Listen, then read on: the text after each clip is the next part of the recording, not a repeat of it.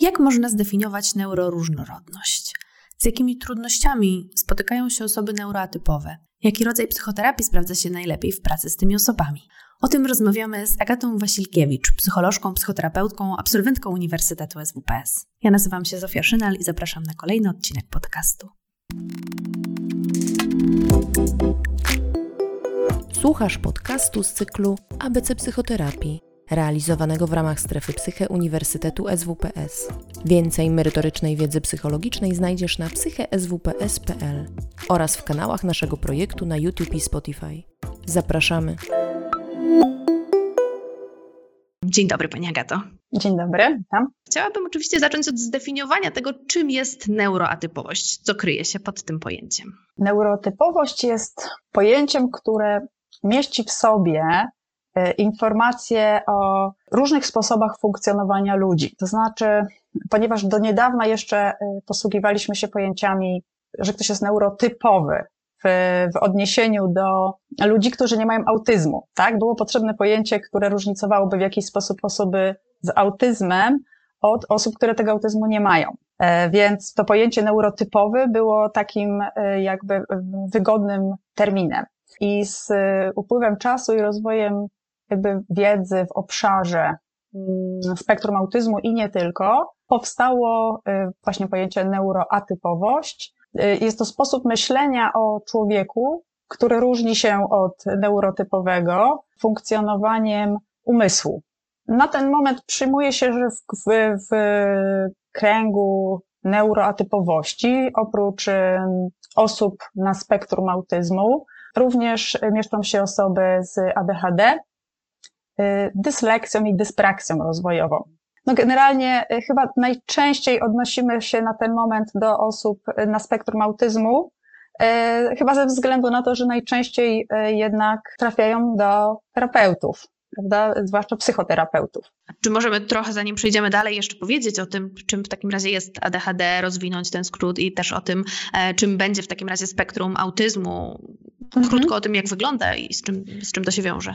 Ja już w zasadzie y, y, trochę się przestawiłam na mówienie o spektrum autyzmu, ponieważ zgodnie z, z najnowszą klasyfikacją zaburzeń psychicznych, które ogłoszone już zostało na początku tego roku i niedługo będzie nas obowiązywać, będziemy się posługiwać terminem ASD w odniesieniu do wszystkich osób, które wcześniej miały różne diagnozy z kręgu całościowych zaburzeń rozwojowych. Tam był właśnie autyzm dziecięcy, różnego rodzaju inne zaburzenia, powiedzmy rzadziej e, gdzieś tam omawiany zespół Reta, dziecięce zaburzenie dezintegracyjne e, i zespół Aspergera. I na ten moment ten zespół Aspergera jakby no, znika za chwilkę z, z klasyfikacji, dlatego już e, rzadziej się nim posługujemy, chociaż de facto jeszcze poprzednia klasyfikacja ICD-10 nas obowiązuje i takie formalnie diagnozy mogą być stawiane, ale już niedługo. Także już na ten moment możemy mówić e, o spektrum autyzmu. A DHD jest to tak podobnie jak e, spektrum autyzmu zaburzenie neurorozwojowe, e, czyli zaburzenie, które dotyczy rozwoju układu nerwowego, jest e, wrodzone uwarunkowane częściowo genetycznie, nie jest to do końca na ten moment takie jasno potwierdzone w badaniach. Generalnie jest to y, zaburzenie y, uwagi, przebiegające albo z nadruchliwością, albo bez. To trochę zależy od jakby podtypu, mm, trochę od płci.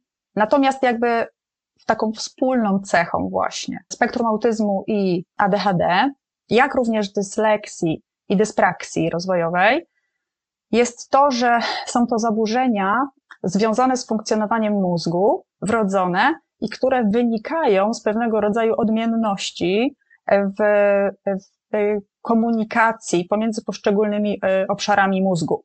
W przypadku ADHD nawet w niektórych badaniach e, mówi się o różnicach w budowie, tak, czy takich różnicach e, strukturalnych mózgu. W przypadku autyzmu na ten moment raczej są to badania, które pokazują różnice funkcjonalne, czyli w przypadku aktywności umysłowej, kiedy jesteśmy w stanie podejrzeć dzięki na przykład rezonansowi magnetycznemu, jak y, aktywuje się określona okolica mózgu w czasie wykonywania jakiegoś zadania, to widzimy różnicę właśnie w aktywności u osób, które mają spektrum autyzmu czy ADHD. W związku z tym, w oparciu o te badania właśnie, możemy powiedzieć, że osoby neuroatypowe wyróżniają się po prostu taką indywidualną, odmienną budową mózgu, która powoduje, że w inny sposób odbierają, przetwarzają, doświadczają czynników, różnych bodźców ze środowiska, inaczej zachowują się w relacjach z ludźmi, inaczej mm, radzą sobie z emocjami e, i mają y, trochę odmienne potrzeby właśnie w takim codziennym funkcjonowaniu związane z tym właśnie podłożem y, neurologicznym. Czyli jeśli dobrze rozumiem, to trochę jest tak, że do tego worka neuroatypowości wpadają osoby, które będą jakby prezentowały się, czy zachowywały, czy miały zupełnie różne od siebie potrzeby.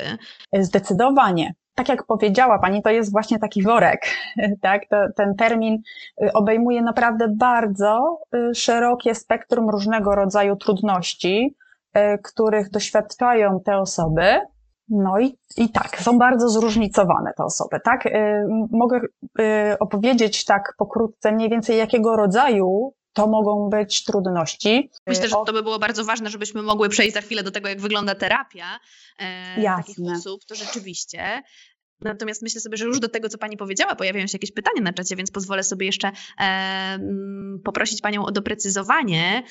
Tutaj e, uczestnicy pytają o to ADHD, mm, czy ono jest dziedziczne i właśnie w jakim sensie jest dziedziczne, e, a także o to, dlaczego odchodzi się w klasyfikacji od określenia Asperger. To może zacznę od tego drugiego pytania.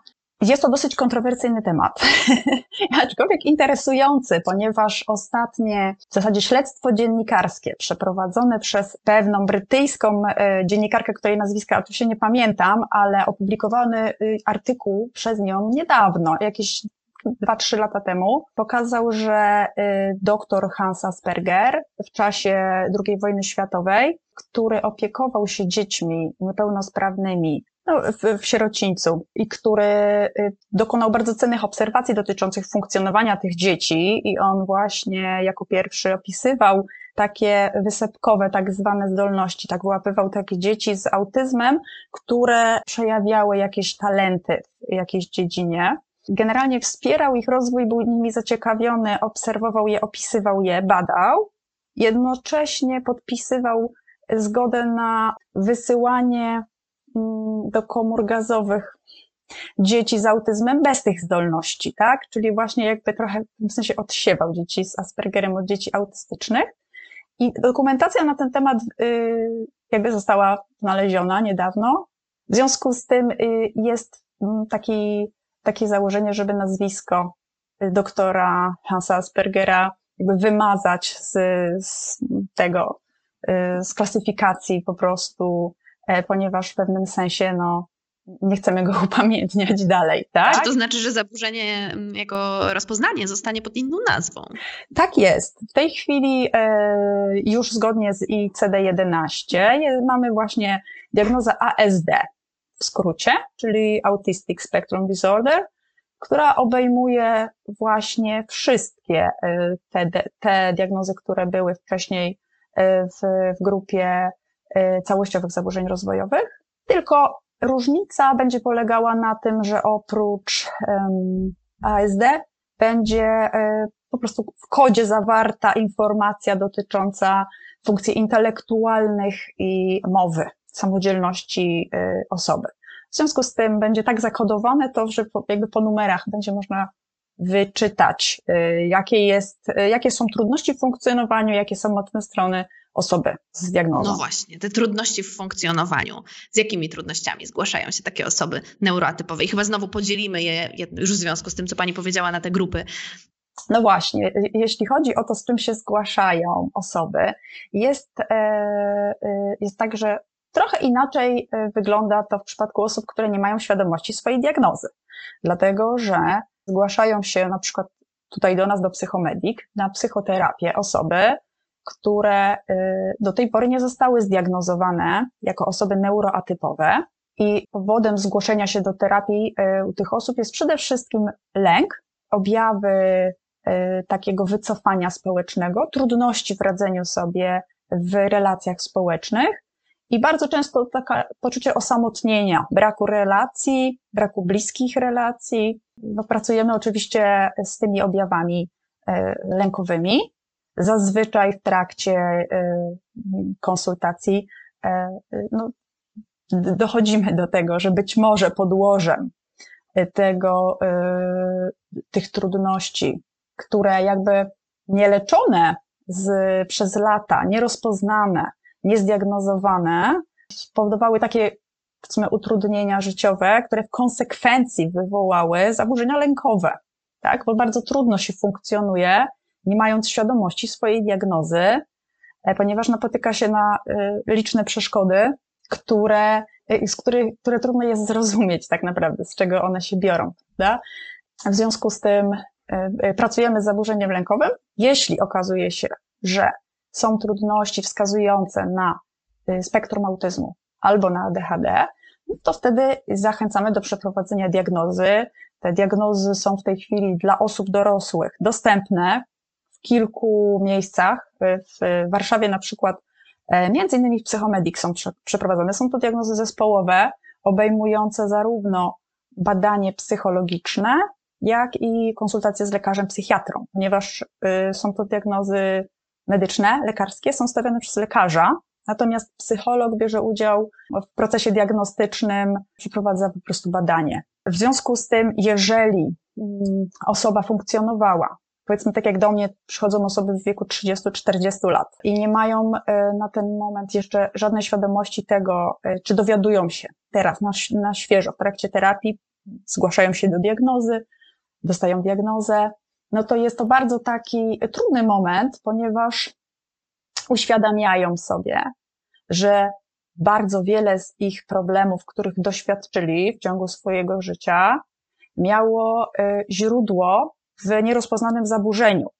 W związku z tym, z jednej strony mają takie poczucie zrozumienia, że aha, to, to, to dlatego się tak działo.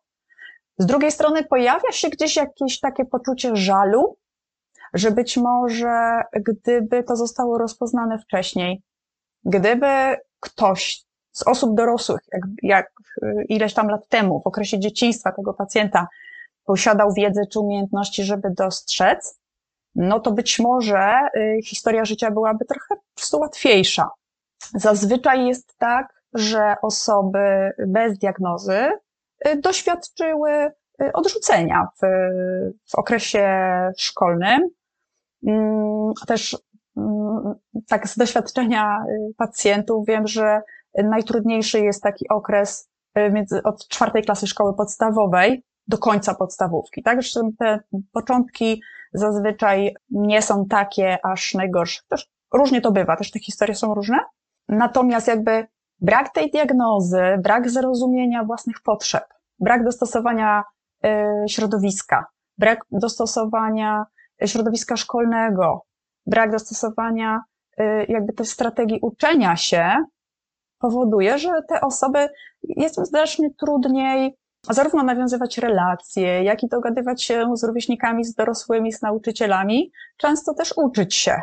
I to zwłaszcza tutaj w przypadku osób z ADHD jest y, też takie charakterystyczne, ponieważ w ogóle w ADHD są trudności w uczeniu się, które mm, wynikają zarówno z, mm, jakby mają swoje podłoże mózgowe, ale no, w głównej mierze wynikają z trudności z koncentracją uwagi i osoby z ADHD po prostu wymagają, tak, ich umysły wymagają przystosowania y, takiego edukacyjnego y, zaplecza, żeby one były w stanie w pełni z tego skorzystać. No i oczywiście w przypadku ADHD również ten czynnik y, społeczny, ponieważ te dzieciaczki, no, zwłaszcza te z nadruchliwością, mają mm, trudności w utrzymaniu relacji.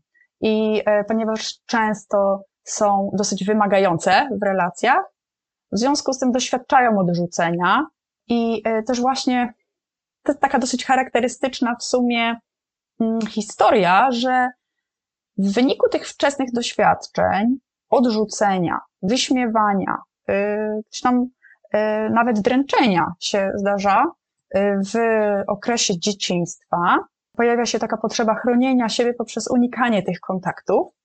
W związku z tym osoby dosyć często ograniczają relacje z rówieśnikami i e, paradoksalnie nie pomaga to, tylko e, utrudnia ze względu na to, że nie są w stanie zdobyć żadnych korektywnych doświadczeń, czyli że nie są w stanie się przekonać, że na przykład już w wieku 16-17 lat, prawda, już to e, inaczej się funkcjonuje społecznie w grupie i że te, te relacje są prostsze. Natomiast nie ma tych doświadczeń, ponieważ sporo osób neuroatypowych wycofuje się z lęku przed tym, że będą ponownie przeżywać te trudności, których właśnie doświadczali e, w wcześniejszym dzieciństwie. Czy wycofanie z relacji będzie objawem w takim razie? Nie, absolutnie. Bo y, tylko i wyłącznie e, patrząc na taki objaw wycofania z relacji, nie możemy diagnozować neuroatypowości, ponieważ jest to objaw, który się może pojawiać e, na przestrzeni całego życia w wyniku różnego rodzaju doświadczeń czy zaburzeń. Mhm. Pytam o to, bo pani Klaudia na czacie pyta, jakie objawy powinny nas zaniepokoić i myślę sobie, że znowu musimy nie tylko rozróżnić, bo, bo wspomniała pani o dzieciach, to pewnie inaczej u dorosłych, a inaczej u dzieci, no i też w związku z różnymi tymi podtypami neuroatypowości właśnie. Może zacznę od ADHD ponieważ pomimo, tak jak mówiliśmy wcześniej, wrzucania tego do worka i wspólnego neurotypowości, to jednak jeśli mówimy o tym, na co zwracać uwagę u siebie, e, no to w przypadku ADHD u osób dorosłych rzadko już występuje objaw nadruchliwości, e, dużo łatwiej się osobom też skoncentrować, chociaż różnie z tym bywa. Natomiast rzeczą, na którą najczęściej skarżą się moi pacjenci z ADHD, to jest e, mała motywacja do wytrwania w zadaniu, które wymaga y, większych nakładów sił, skarżą się na to, że rozpoczynają różne projekty i nie są w stanie ich dokończyć. Nie są w stanie ich dokończyć ze względu na to, że trudno jest im utrzymać uwagę y, skupioną przez dłuższy czas, męczą się tym.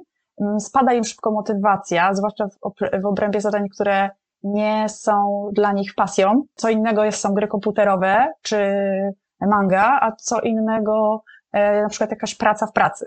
Również to, co jest e, dosyć takie charakterystyczne dla ADHD, jest to e, trudność z przełączaniem się pomiędzy zadaniami. To znaczy, że jeżeli już mi się uda zebrać tą uwagę i skoncentrować się, wejść w zadanie i zacząć pracować, i pojawi się coś, co mnie, co odwróci moją uwagę. Na przykład przyjdzie mail, albo przyjdzie kurier, albo ktoś do mnie zadzwoni, no to jakby ten bodziec, który odwraca moją uwagę, jest na tyle y, takim mm, intensywnie wybijającym bodźcem z, z tego zadania, że bardzo trudno jest powrócić i kontynuować to zadanie na tym samym poziomie skupienia. Czasami to zajmuje bardzo dużo, a czasami już sama świadomość, że coś mi przeszkodzi, powoduje, że nawet nie zacznę. tak? Bo wiem, że na przykład czekam na tego kuriera, więc nie ma sensu siadać do komputera do pracy, bo i tak mi przeszkodzi. W związku z tym nie siadam. tak? Więc jakby taka trudność z takim przełączaniem swobodnym, jakby y, y, selekcjonowaniem tych bodźców uwagowych, na co mam się teraz, na czym mam się skupić, a na co mogę odłożyć na później, tak? Jakby wszystko czasami jest równie, w różnym stopniu ważne. Więc to są takie rzeczy, które, y, na które u, u siebie można zwrócić uwagę. Natomiast w przypadku spektrum autyzmu, no to są to przede wszystkim trudności w takim swobodnym odczytywaniu intencji, emocji, jakichś potrzeb innych osób w, w takim bezpośrednim kontakcie twarzą w twarz, tak? Jakby Mm, osoby dorosłe na spektrum mówią, że one się tego nauczyły. Tak, obserwowały, zwłaszcza kobiety są w tym bardzo dobre, obserwowały koleżanki w szkole, na w szkole średniej, na studiach i one już wiedzą, że określony wyraz twarzy czy określona intonacja oznacza jakąś e, treść, która jest jakby pomiędzy wierszami. Natomiast bez tego treningu jest to bardzo trudne, i również nadal są sytuacje, pomimo dobrego treningu w tym obszarze, że jeżeli jest jakiegoś rodzaju niezgodność pomiędzy na przykład mimiką a intonacją głosu, to e, komunikat jest niejasny. tak? Czasami ludzie żartują w taki sposób, że mają poker face i jakiś ironiczny komunikat, tak? Dla osób na spektrum jest to bardzo trudne do wyłapania. E, Myślę sobie na podstawie tego, co Pani powiedziała, że znacznie łatwiej chyba postawić diagnozę dziecku niż dorosłemu. Że jednak z wiekiem nabywamy pewnych y, kompetencji, pewnych umiejętności, ale też jakby funkcjonowanie osób dorosłych jest mniej takie jakby do zaobserwowania łatwe, nie? Że dzieci jednak w zestawieniu z, z grupą są pewne normy rozwojowe, a już u dorosłych to są, te, mhm. przynajmniej te objawy, które Pani wymieniła, wydają się bardzo niespecyficzne. Odnosiłam się też tak do, do jakby funkcjonowania kobiet, bo to jest dosyć interesujący wątek. Rzeczywiście ym, kobiety są rzadziej diagnozowane, co nie znaczy, że rzadziej mają spektrum autyzmu. Tak, jakby y, prawdopodobnie y, rozpowszechnienie jest takie samo. Y, natomiast właśnie kobiety posiadają znacznie wyższe kompetencje takie językowe, mają większą otwartość na uczenie się o emocjach i e, lepiej się uczą przez obserwacje. W związku z tym już w dzieciństwie nabywają takich kompetencji, które powodują, że być może, że to może być niezauważone. Tak, że one e, do dorosłości nie zostaną zdiagnozowane. E, ponieważ chłopcy bardziej no, mają po prostu większe trudności w obszarze takiego uczenia się przez naśladowanie, mają większe trudności w rozumieniu, odczytywaniu, nazywaniu emocji, domyślaniu się, Y, jakie są jakby zasady, założenia, intencje. W związku z tym dużo częściej zdarza się, że ich zachowanie, zachowanie po prostu nie jest, jakby mm, powiedzmy, jest im trudniej dostosować swoje zachowanie do wymagań w danej sytuacji. E, I dlatego być może łatwiej wyłapują to, tak, diagności. W przypadku jeszcze osób z ASD można zaobserwować częściej takie cechy w zachowaniu czy w wyglądzie, które dla kogoś, kto się tym zajmuje, są dosyć takie, no, powiedziałabym, mm, jasne, tak? To dotyczy to y, sposobu, w jaki ktoś utrzymuje kontakt wzrokowy. E, I oczywiście nie jest tak, że y, ktoś, kto ma spektrum autyzmu, nie podtrzymuje tego kontaktu wzrokowego. Albo, że jak ktoś nie podtrzymuje, to znaczy, że ma spektrum autyzmu. Nie, nie, nie, nie, nie. W sytuacjach znacznego napięcia emocjonalnego wiele osób nie utrzymuje kontaktu wzrokowego. I równocześnie są też osoby na spektrum autyzmu, które wzrokiem swoim przybijają fotel. w takim sensie, że to, to spojrzenie jest tak intensywne, że jest to takie wpatrywanie się wręcz, tak? Więc i to może być wyuczone w dzieciństwie, ponieważ jest oczekiwanie, żeby podtrzymywać kontakt wzrokowy, tak? Dorośli mówią do dzieci, spójrz na mnie, patrz na mnie, jak do ciebie mówię, tak? Czy nauczyciele w szkole chcą e, widzieć, że dziecko ich słucha. W momencie, jak dziecko na nich patrzy, to dla nich oznacza, że dziecko ich słucha, tak? W przypadku dzieci z autyzmem zazwyczaj na odwrót. Im bardziej są zmuszane do tego, żeby patrzeć, tym trudniej jest im się skupić na tym, żeby słuchać, tak? To wskazówka dla nauczycieli. Jak dzieci bazgrzą po kartkach, super, znaczy, że słuchają. Więc ten kontakt wzrokowy jest taki, diagnostyczny dosyć. Również intonacja. Jest coś takiego jak prozodia mowy, e, która oznacza sposób, w jaki ktoś intonuje, na którą sylabę kładzie akcent w wyrazie, czy, y, czy różnicuje w mowie tryb rozkazujący, pytający.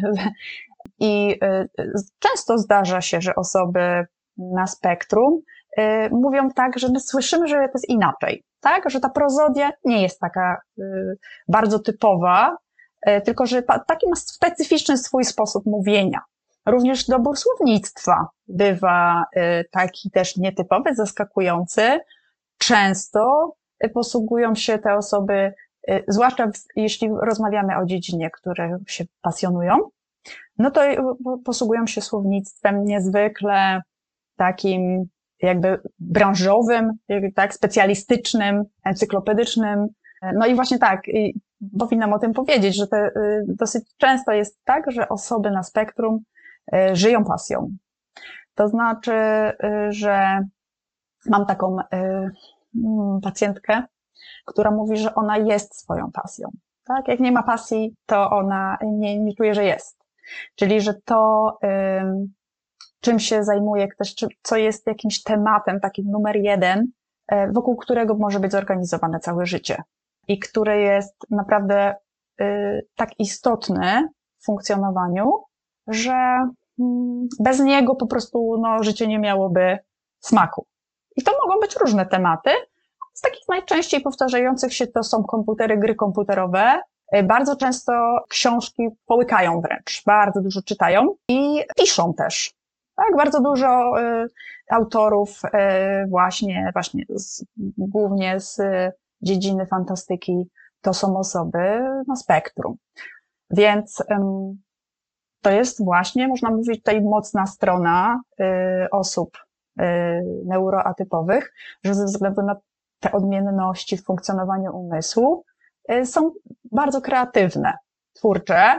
Jeśli mają mm, odpowiednie warunki, to naprawdę y, potrafią tworzyć bardzo interesujące rzeczy. Też sporo y, osób jest utalentowanych plastycznie.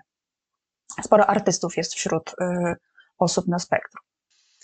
Uczestnicy statu chcieliby jeszcze dopytać Panią o te objawy u osób dorosłych, jak rozumiem, e, w tej sferze emocjonalnej i relacyjnej. Mhm. Co to znaczy, że ktoś będzie miał trudności, czy że możemy się spodziewać, że będzie miał trudności właśnie w sferze emocji, w relacjach? Wynika to z tego, o czym e, wcześniej wspomniałam, e, takiej, takiej umiejętności odczytywania tych stanów emocjonalnych u innych osób. To znaczy. Domyślam się, że może chodzi tutaj o konsekwencje, to znaczy w związku z tym, że nie potrafię odczytywać tych stanów, to, to jak to wpływa na moje funkcjonowanie w relacjach? Tak jest. Jest trudność właśnie z nawiązywaniem takiej relacji naprzemiennej. Tak? W przypadku takiej typowej relacji mamy y, właśnie takie, y, taką powiedzmy naprzemienność, która przebiega w taki sposób, że odnosimy się do kogoś, ktoś nas słucha, e, zadaje pytanie albo mówi coś o sobie, my go słuchamy, odnosimy się do tego, co on mówi, mamy tego, pewnego rodzaju jest wymiana, prawda? I to jest tak mniej więcej porówno. Natomiast w przypadku osób na spektrum jest tak, że jeśli e, mówią o swojej pasji, jest to dla nich interesujące, założenie jest takie, że dla każdego to jest interesujące i czasami mogą nie potrafić wyłapać momentu, w którym ktoś już ma przesyt, tak, słuchań e, i kontynuują na przykład Y, swój monolog albo tak opowiadają o, o, mm, o czymś, co ich fascynuje, nie będą w stanie wyłapać takich właśnie informacji przekazywanych nie wprost. Postaci wyrazu twarzy rozmówcy, postawy ciała. Zdarza się też tak, że osoby na spektrum odnoszą się do komunikatu, który słyszą, pomijając y, aspekty, które w jakiś sposób modyfikują treść. Odnoszą się do treści, pomijając kontekst i e, wychodzą z tego czasami bardzo trudne sytuacje i zdarza się, że osoby na spektrum są posądzane o to, że są niemiłe, że są atakujące, że powiedziały coś złośliwie. I e, jest to dla nich samych dużym zaskoczeniem, ponieważ rzadko kiedy mają intencję, żeby kogoś atakować, natomiast ze względu na te właśnie trudności w odczytaniu, o co tak naprawdę komu chodziło, w momencie, jak odnoszą się konkretnie do treści czyjejś wypowiedzi, mogą się bardzo rozminąć z oczekiwaniem. No w przypadku dzieci, no to mm, też dochodzą takie sytuacje, kiedy są po prostu bardzo szczere, tak? I mówią po prostu wprost to, co myślą. W przypadku dorosłych to rzadko już ma miejsce, bo jak, jednak doświadczenie życiowe ich uczy, y, że są pewnego rodzaju komunikaty, które, które należy przemilczeć, tak? To, to, co powiedziałam wcześniej, że jeżeli ktoś jest niezdiagnozowany i przychodzi do terapii, to jest trochę coś innego. W przypadku osób, które są zdiagnozowane dawno i one całe życie żyją swoją diagnozą i one się doskonale znają, tak? No to oni też zgłaszają inne potrzeby do terapii, ponieważ um, są w stanie zrozumieć, z czego wynikają ich problemy w, w relacjach. E, być może w niektórych przypadkach poradzili sobie z samooceną. To, samoocena to jest w ogóle też bardzo duży taki kawałek, powiedzmy, tutaj za chwilkę do tego wrócę. I takie osoby, które są zdiagnozowane, z, znają siebie, mają dostosowane swoje środowisko pod swoje potrzeby, no to na przykład przychodzą z takimi rozwojowymi potrzebami typu y, chcę mieć związek. W związku z tym, jeżeli ktoś jest zdiagnozowany wcześniej, to jest mu dużo łatwiej funkcjonować, bo jego potrzeby są uwzględniane. Trochę zaczynam y, y, różne wątki łapać w tej chwili, więc uporządkuję. Y, dostosowanie środowiska ponieważ osoby neuroatypowe, zarówno osoby z ADHD, jak i na spektrum, mają odmienne przetwarzanie bodźców sensorycznych, czyli dotyczących wzroku, słuchu, smaku, dotyku, węchu. wszystkich pięć zmysłów, mogą być podwrażliwe, czyli mieć słabe e, odbieranie tych bodźców, mogą być nadwrażliwe, czyli nadmiernie reagować na te bodźce. I teraz e, w przypadku nadwrażliwości jest to problematyczne, ponieważ przed niektórymi bodźcami ciężko im się ochronić i to dobrze wiedzą o tym osoby, które są nadwrażliwe na dźwięki, jak pójdą na przykład do szkoły no i wyjdą na przerwę, prawda? Że jednak e, takie nasycenie dźwięków, takie nasycenie hałasu jest po prostu bolesne, tak? Osoby y, na spektrum mówią o tym, że to po prostu boli. W związku z tym odwrotnie będzie z podwrażliwością, tak? Jeżeli ktoś jest podwrażliwy, ma poczucie zbyt słabego odbierania niektórych bodźców, to on może poszukiwać tego typu bodźców, żeby jakby mieć poczucie komfortu. To jest z kolei na przykład, jeśli chodzi o czucie głębokie, w obszarze y, zmysłu dotyku, bardzo często spotykany problem, mamy nadwrażliwość na powierzchni skóry. Czyli nieprzyjemnie w ostrych ubraniach albo jak jest jakaś metka niewycięta i równocześnie podwrażliwość w obszarze czucia głębokiego, czyli swojego ciała jak gdyby w środku. I teraz y, to, co mówią ludzie, uwielbia, uwielbiają ciężkie kołdry. Tak? Takie wręcz y, kołderki obciążeniowe szyte na zamówienie, dostosowywane do mm, masy człowieka. Przepraszam, y, mem mi się akurat włączył, który pacjent opowiadał że jest, nie rozumiem reklam kołder puchowych, że są takie cieplutkie i leciutkie, bo ja najbardziej lubię, jak kołdra przyciska mnie do łóżka, jak e, granitowa płyta. Także to są, e, ten, ten mem dobrze pokazuje tak, te potrzeby, tak, że jakby ten, ta potrzeba docisku, która daje komfort, bo ona po prostu pozwala poczuć to ciało w środku, tak, to, to, to, to czucie głębokie, położenie ciała, tak, obrys tego swojego ciała. Więc jakby y, w przypadku wszystkich osób neurotypowych y, musimy to rozpoznać, jak to jest z tymi zmysłami, w jakim obszarze mamy nadwrażliwość, jeśli mamy, w jakim obszarze podwrażliwość i co można zrobić, żeby sobie wyrównywać to, po to, żeby po prostu czuć komfort sensoryczny. I to jest dostosowywanie środowiska. To, co pani teraz powiedziała, to też jakoś trochę chyba odpowiada na tutaj dużo pytań się w międzyczasie na czacie pojawiło, dotyczących różnicowania jednak no, zaburzeń, o których rozmawiamy z różnymi, z zaburzeniami lękowymi, z chorobą afektywną dwubiegunową. Ja myślę przede wszystkim o zaburzeniach osobowości jeszcze. Mhm. E, pewnie, znaczy sama wiem, że na to pytanie się nie da w jednoznaczny sposób odpowiedzieć, ale no, no, no, no chciałabym je pani przekazać. E, Y, te zaburzenia, o które y, tutaj Państwo pytacie, to są zaburzenia, które nabywamy w toku życia w wyniku doświadczeń życiowych, które te doświadczenia powodują, że mamy taki, a nie inny sposób e, rozumienia rzeczy, które nas spotykają. Tak? Jakby pod wpływem tych doświadczeń tworzymy przekonania dotyczące siebie, czy świata, czy innych ludzi. E, natomiast w przypadku e, neuroatypowości Mówimy o wrodzonych skłonnościach organizmu, umysłu, które mają podłoże neurologiczne po prostu. Tak? W związku z tym objawy neuroatypowości mamy od dzieciństwa i one są, mimo że często y, zdarzają się sytuacje, kiedy nie są zauważane, a nawet rodzice, nauczyciele aktywnie im zaprzeczają, tak? I mówią, że to dziecko jak zwykle coś wymyśla, że to dziecko nigdy nie usiedzi w miejscu, że to dziecko jak zwykle buja w obłokach i w ogóle się nie skupia. Zdolny, ale leniwy, tak? I pyskaty na dodatek. Jakby y, to są pewne cechy w zachowaniu, które miało się zawsze. Więc jeżeli y, pojawi się taka refleksja, hmm, czy ja mogę być osobą neuroatypową, to warto sobie zadać pytanie, od kiedy doświadczam trudności, które mnie niepokoją, i jeżeli odpowiedź jest to w zasadzie to zawsze, bo już pamiętam jak w podstawówce coś takiego się działo, że ja nie rozumiałem, nie dogadywałem się, czy mnie nie lubili, czy mnie wyśmiewali, i to było od zawsze. To też nie jest oczywiście diagnostyczne, tak? No nie, nie jesteśmy w stanie postawić sobie diagnoz jednym pytaniem. Natomiast no, zwiększa to prawdopodobieństwo, trzeba tu doczytać, sprawdzić, może skonsultować się z, z terapeutą albo z psychiatrą, żeby to sprawdzić, tak? Natomiast jeżeli generalnie y, ma się poczucie, że kiedyś było spoko, było dobrze, miało się przyjaciół, y, było się, miało się poczucie bycia częścią grupy, e, nie było problemów z nauką, nie było problemów z dogadywaniem się z nauczycielami, z rodzicami, e, oczywiście pomijając okres nastoletni.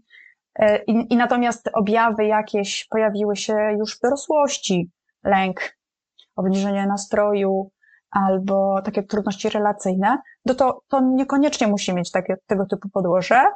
Raczej nie ma wtedy takiego podłoża właściwie, prawda? E, no niestety też na 100% nie możemy powiedzieć. Dlatego, że zdarzają się też osoby, o których my mówimy, że one są muśnięte autyzmem. Mm-hmm. No właśnie, to chyba jest to, co, co, co, co trzeba też powiedzieć, że autyzm autyzmowi nierówny. Także bardzo mi przykro, drodzy Państwo, że rozczarowujemy pod takim względem, że nie jesteśmy w stanie, raczej, raczej rozmywamy te odpowiedzi niż dajemy konkretne, ale no tak to wygląda. Dokładnie, tak? Jakby, jak nazwa sama wskazuje, spektrum zawiera w sobie bardzo duże zróżnicowanie wewnętrzne, tak? Jakby osoby w tej grupie mogą mieć bardzo nasilone objawy, takie, które są widoczne gołym okiem w funkcjonowaniu osoby, a mogą być e, tak delikatnie zaznaczone, że właściwie po kilku godzinach rozmowy zaczynamy się zastanawiać, czy te trudności na przykład w dogadywaniu się w pracy, w firmie, czy one nie mają takiego podłoża, że te komunikaty e, są przetwarzane, przyjmowane w jakiś specyficzny sposób, nie do końca taki, jaki był zamiar, e, powiedzmy, tego szefa, tak? Więc tak, są takie osoby muśnięte autyzmem, które mają problemy, które mogą mieć zaburzenia lękowe albo depresyjne. I okazuje się w dorosłości po diagnozie na przykład właśnie zaburzeń lękowych czy depresyjnych, że podłoże jest takie, tak? Może tak być, zwłaszcza, że te osoby muśnięte autyzmem, no zazwyczaj one się no, nie są wyłapywane w, w okresie szkolnym i diagnozowane na, wcześniej. Właśnie ze względu na to, że wysoko funkcjonują, że dobrze sobie radzą czy mogłybyśmy przejść teraz do tego procesu terapeutycznego, bo w zasadzie to e, jest, jest dzisiaj szczególnie ważne. E, jak wygląda terapia osób ze spektrum? E, pytania mhm. na czacie już dotyczą tego, jak pani pracuje, jak pani pracuje z nadwrażliwością, dlaczego wybrała pani taki nurt terapeutyczny. Mhm.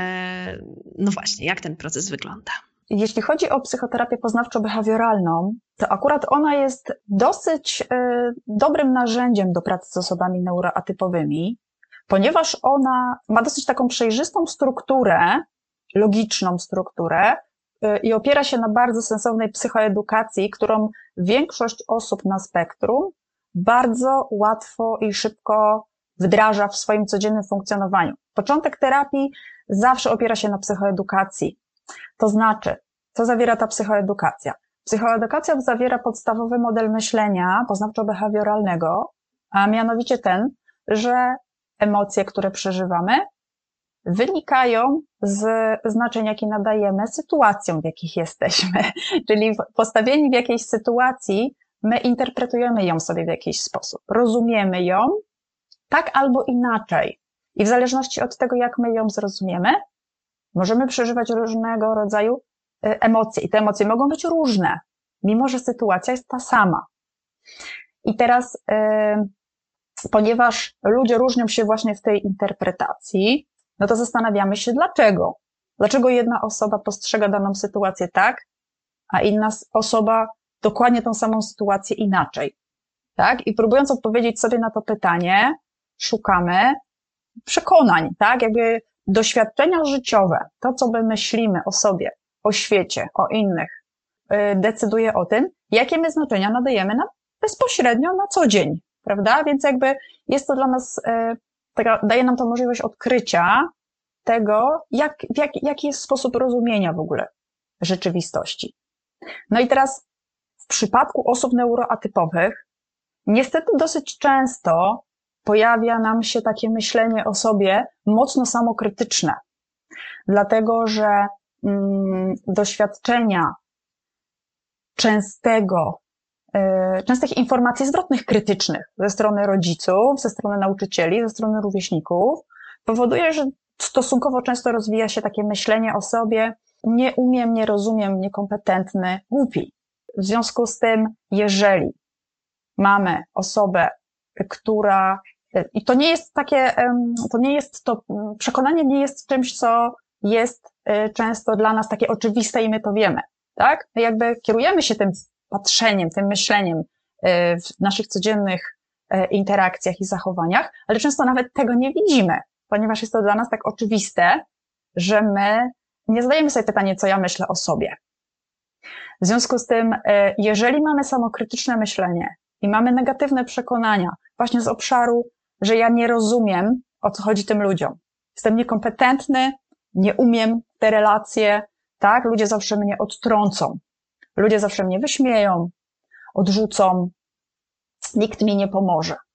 Tak? Więc y, dochodzimy do tych przekonań, y, opierając się na właśnie y, na tych, jak, jak osoby doświadczają różnych sytuacji w, swojego, w swoim codziennym życiu. No i zastanawiamy się w przypadku, jak już znamy diagnozę, no to my sobie patrzymy na te przekonania z perspektywy źródła. Tak jak to się stało, że te, że te przekonania powstały i znając źródło, znając mechanizm, który doprowadza do tego, że w taki, a nie inny sposób odbieramy rzeczywistość, my jesteśmy w stanie to modyfikować, tak? Ponieważ my już wiemy, z czego to wynika i jesteśmy w stanie też y, ocenić, na ile to było, powiedzmy, sprawiedliwe i słuszne, że ktoś w taki, a nie inny sposób na przykład się odnosił, prawda? I też jakby osłabić y, sposób myślenia. Oczywiście nie jest to proces, który zachodzi w ciągu tygodnia i trzy sesje terapeutyczne, ponieważ przekonania są dosyć y, takimi utrwalonymi sposobami myślenia o sobie. W związku z tym czasami potrzebujemy sporo czasu, y, żeby je osłabić czy zmienić. Natomiast celem w terapii jest radzenie sobie z emocjami, tak? W związku z tym, jeżeli ktoś mniej przeżywa lęku, mniej y, depresji, tak? To y, jakby no to nad tym pracujemy, tak? Jakby po, poprawą odczuć emocjonalnych poprzez zmianę właśnie tego, te, te, tego sposobu myślenia. W przypadku neuroatypowości również oczywiście bierzemy pod uwagę odmienność neurologiczną, y, sensoryczną, sposobów myślenia, uwagi, wyobraźni, sposobów uczenia się. To wszystkie czynniki, które wynikają z diagnozy autyzmu, y, one oczywiście muszą być brane pod uwagę w toku terapii. I co one tym... będą zmieniały właśnie w takim procesie terapeutycznym? Chodzi o to, czym się będzie różniła psychoterapia poznawczo-behawioralna pacjenta, który nabył tych przekonań e, z jakiegoś innego powodu niż, niż właśnie na przykład ADHD w dzieciństwie. Mhm. Dlatego, że będzie się różniła tym, że my naszą psychoedukację wzbogacamy o uczenie tych wzorców, na przykład zachowań, które są y, potrzebne, żeby realizować tą zmianę, tak? Jeżeli osoba ma trudność w odczytywaniu komunikatu, to poświęcamy czas na terapię, na uczenie tego, w jaki sposób rozumieć komunikaty.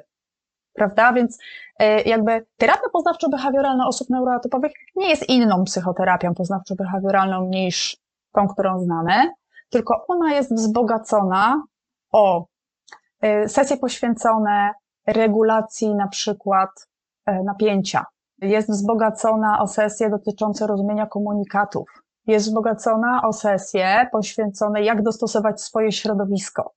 Jest, jest poszerzona o sesje, jak współpracować z ludźmi z najbliższego otoczenia, żeby oni wspierali w terapii, a nie sabotowali tą terapię. Prawda? Więc jakby my poszerzamy y, terapię poznawczo-behawioralną o aspekty, które są niezbędne do y, jakby włączenia w sposób myślenia o sobie przez pacjenta. Natomiast y, jakby co do zasady terapia poznawczo-behawioralna jest taka, jaka jest stosowana w przypadku innych problemów, z którymi zgłaszają się pacjenci. A czy mm, właśnie oprócz terapii poznawczo-behawioralnej, jaki rodzaj psychoterapii sprawdza się również w pracy z osobami neurotypowymi? Trudno mi powiedzieć, jaki się sprawdza. Sądzę, że najłatwiej mi będzie odpowiedzieć na pytanie, które się raczej nie sprawdza i co już zostało potwierdzone badaniami, że terapia, psychoterapia psychodynamiczna, psychoanalityczna raczej nie, nie przynosi y, efektów w przypadku y, osób neuroatypowych.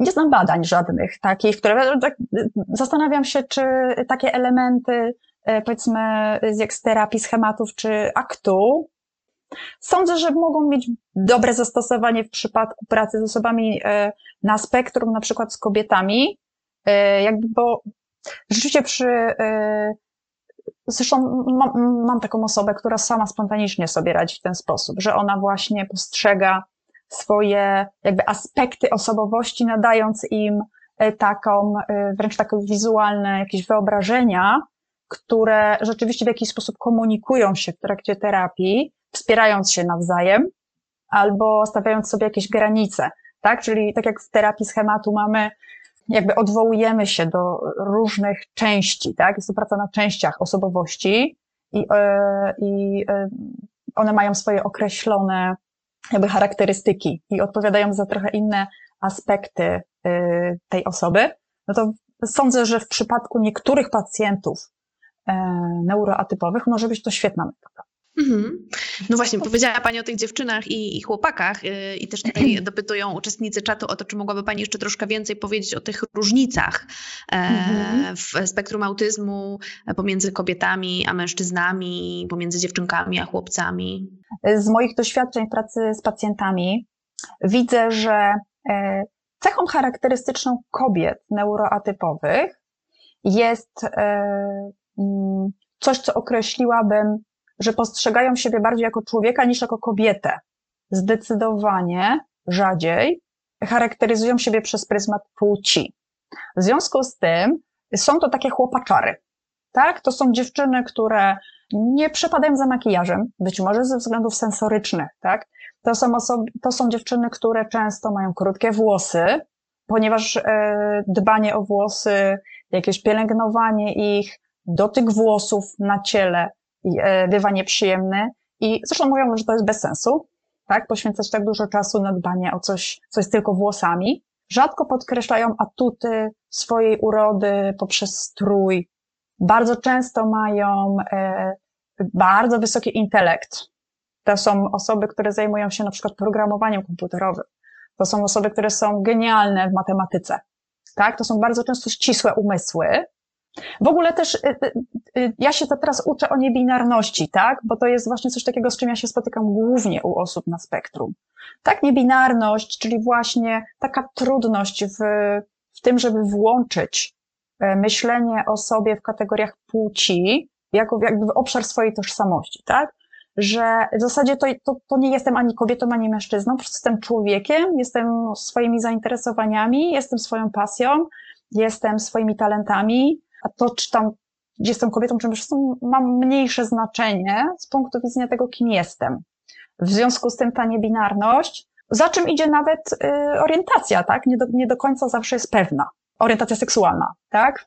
Więc y, no, kobiety, na, y, kobiety na spektrum bardzo często są utalentowane plastycznie. Oczywiście też chciałam powiedzieć, że ja mówię o tym, co ja znam, tak? To, to jeżeli, tak jak z internetu na przykład są przykłady autystycznych kobiet, które są super kobiece i zawsze mają przepiękne, artystyczne makijaże, tak? No, też tak jest. W związku z tym, tak jak mówiłam wcześniej, jest to bardzo zróżnicowana wewnętrznie grupa, więc będą też takie osoby, które akurat będą się fascynować, powiedzmy, kosmetologią, czy fryzjerstwem, czy makijażem, tak? E, nawet słyszałam ostatnio, tak mówiła pani psycholog o swojej pacjentce, która absolutnie genialnie maluje. Po prostu takie rzeczy maluje na twarzy, robi takie makijaże, że, y, no i to jest jej pasja, tak? Więc y, tak też bywa. Okej. Okay. To jeszcze na koniec chciałabym wrócić do terapii. Jakoś zainspirowana tutaj pytaniem na czacie. Bardzo Państwu dziękuję za tę aktywność. E, no właśnie, co my właściwie jesteśmy w stanie zmienić, a czego nie? To znaczy, jakie są cele e, terapii? No bo jeżeli rozumiemy to jako zaburzenie rozwojowe, nie coś nabytego w ciągu życia, to co możemy osiągnąć? Celem terapii zawsze jest poprawa stanu emocjonalnego. Nie będziemy dążyć do zmiany funkcjonowania osoby, jeżeli jej sposób funkcjonowania, nawet jeżeli jest nietypowy, ale jej daje zadowolenie. Jeżeli ktoś się świetnie czuje chodząc spać, y, spać o trzeciej, wstając y, o godzinie dwunastej i grając w gry komputerowe, e, natomiast pracując powiedzmy od godziny, nie wiem, tam 18 do trzeciej i on ma taką pracę, czy ona, że to jest okej, okay, tak? To nie będziemy tego zmieniać, dlatego że ktoś ma taki rytm na przykład funkcjonowania, y, jeżeli on się z tym dobrze czuje. Jeżeli przyjdzie do terapeuty i powie, że jest zmęczony tym, że nie jest w stanie regulować swojego rytmu y, dobowego, bo ma ADHD i nie, po prostu nie jest w stanie chodzić spać o 23 czy 24. I to jest dla niego problem, czyli jest to źródło cierpienia, jak mówimy w psychoterapii, tak? Takiego cierpienia w sensie negatywnych odczuć, z którymi chcemy coś zrobić. No to wtedy będziemy nad tym pracować. Mhm, Więc ale jak... czy są takie rzeczy, które się nie zmienią? Jasne.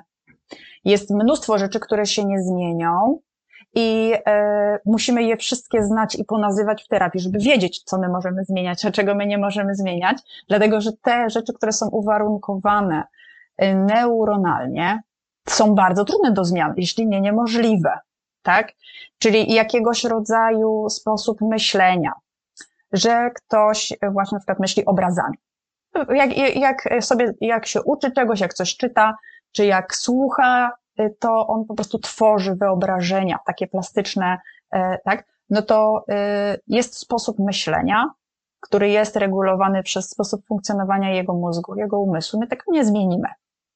W związku z tym tak, nazywamy y, y, rzeczy, z czego to wynika, nazywamy właśnie tą sensorykę, te trudności komunikacyjne, czy w relacjach. Mówimy o, o tym, w jaki sposób dostosowywać to środowisko. I to właśnie z takim założeniem, że no nie, nie zmienimy niektórych rzeczy. One będą, ale można z nimi żyć, ponieważ nie jest to z punktu widzenia neuroróżnorodności, tak, jest to po prostu jakaś cecha tak? Jakby różnimy się pod względem sensorycznym, y, sposobu myślenia, wyobraźni, uwagi. I jest to y, aktualnie y, taki sposób patrzenia na ten, na ten temat, który chyba wydaje się taki być intuicyjnie słuszny, ponieważ osoby neurotypowe jakby uczestniczą w społeczeństwie, wnoszą bardzo dużo, są często absolutnie genialne. W związku z tym mówienie o tym, że to jest jakaś, jakiś rodzaj niepełnosprawności, no trochę takie wydaje się być nie do końca jakby odpowiadające naszym doświadczeniom, tak? Dlatego mówi się teraz o neuroróżnorodności i o takim właśnie potrzebie włączania mm, osób neuroatypowych w obszarze takiego y, y, y, właśnie no, społeczeństwa, tak? Jakby akceptacji, budowania zrozumienia, dostosowywania też różnego rodzaju środowisk do potrzeb tych osób. Zresztą to już się dzieje, na przykład w kinach albo w supermarketach, które y, wprowadzają mm, godziny bez y, na przykład głośnych dźwięków dla osób, które mają nadwrażliwość słuchową. Właśnie ostatnio nawet byłam zaskoczona w Lidlu. Popłynął komunikat, że rozpoczynamy teraz godzinę, kiedy nie będą nadawane żadne dźwięki przez tam 60 minut ze względu na naszych klientów, którzy mają potrzebę robienia zakupów w ciszy. Bardzo fajne. I, i tak jest, tak? Y, więc to jest sensowny bardzo trend. Okej. Okay. Czy na koniec mogłaby Pani e, polecić osobom e, no, szczególnie zainteresowanym tym tematem e, jakąś literaturę albo coś mhm. innego, gdzie można trochę pogłębić swoją wiedzę? W tej chwili mamy przecież różne źródła informacji, nie tylko książki. Tak jest. Jest bardzo dużo dobrych artykułów w internecie. Przy wyszukiwaniu artykułów dobrze jest e, szukać PDF-ów, dlatego że najczęściej wtedy są to e, z czasopism naukowych artykuły. Dla mnie świetną rzeczą, która bardzo mi taki sensowny sposób przybliża sposób myślenia osób, akurat tutaj autystycznych, jest książka Dziwny przypadek psa nocną porą. Marka Hadona. To jest beletrystyka, ale napisana w taki sposób, że naprawdę uczy sposobu myślenia. Jest kilka książek takich popularnych, które właśnie chciałam też pokazać. Może zacznę od terapeutycznych rzeczy. Przezwyciężanie niskiego poczucia własnej wartości, tak? Ponieważ to jest coś, z czym my pracujemy bardzo często. No i jest to potrzebne, tak? Y, jakby literatura dla osób, które są tym zainteresowane. Jest kilka, świetna książka zespołu Aspergera, Christine Priceman, która jest sama E, osobą na spektrum, jest lekarzem, psychiatrą i psychoterapeutą. I to też jest bardzo fajnie napisana książka, taka dla każdego. Nie jest to tylko książka dla terapeutów, która też właśnie bardzo fajnie pokazuje sposób myślenia, w związku z tym pomaga zrozumieć, jak osoba odbiera sytuację, tak? Osoba na spektrum. Bardzo popularna książka pani Joanny Ławickiej. E, nie jestem kosmitą, mam zespół Aspergera. Dla młodzieży, myślę, że też dla młodych dorosłych, taka pokazująca takie podstawy, o co chodzi. Dla młodzieży bardzo popularna książka Świry dziwadła i zespół Aspergera, super napisana przez chłopca z Aspergerem. On teraz już, będąc osobą dorosłą, napisał drugą książkę, drugą część tego. I to jest chyba Seks, narkotyki zespół Aspergera. Jeszcze jej nie czytałam, ale e, planuję. No i jeszcze o, y, też dosyć popularna książka o y, człowieku, y, który jest mm, odpowiedzialny za efekty specjalne muzyczne, jako techniczne z zespołami muzycznymi.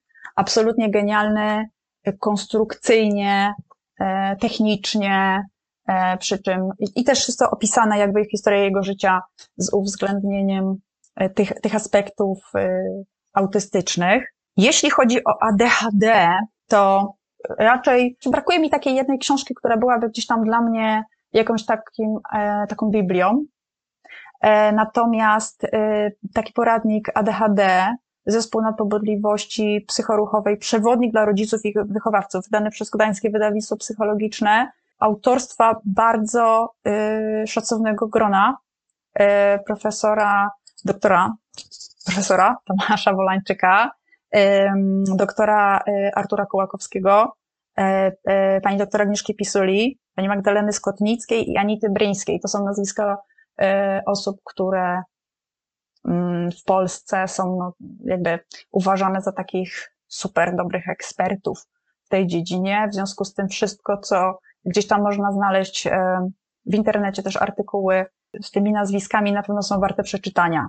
I jeszcze przyszło mi do głowy, zapomniałam o Tonym Atwoodzie, tak? Jakby Biblia dotycząca zespołu Aspergera, książka Tonego Atwooda, który jest absolutnym guru światowym e, w dziedzinie właśnie e, autyzmu. Bardzo dziękujemy za tak liczne polecenia. E, bardzo dziękuję również za rozmowę Państwu, za zaangażowanie, za aktywność, za wszystkie te mm, ciekawe pytania. No i już teraz zapraszam na kolejne webinary Strefy Psyche Uniwersytetu SWPS. A w międzyczasie zachęcam oczywiście do czytania, oglądania i słuchania naszych materiałów na blogu Strefy Psyche Uniwersytetu SWPS, na YouTubie czy w serwisach podcastowych, między innymi na Spotify. Do zobaczenia. Dziękuję.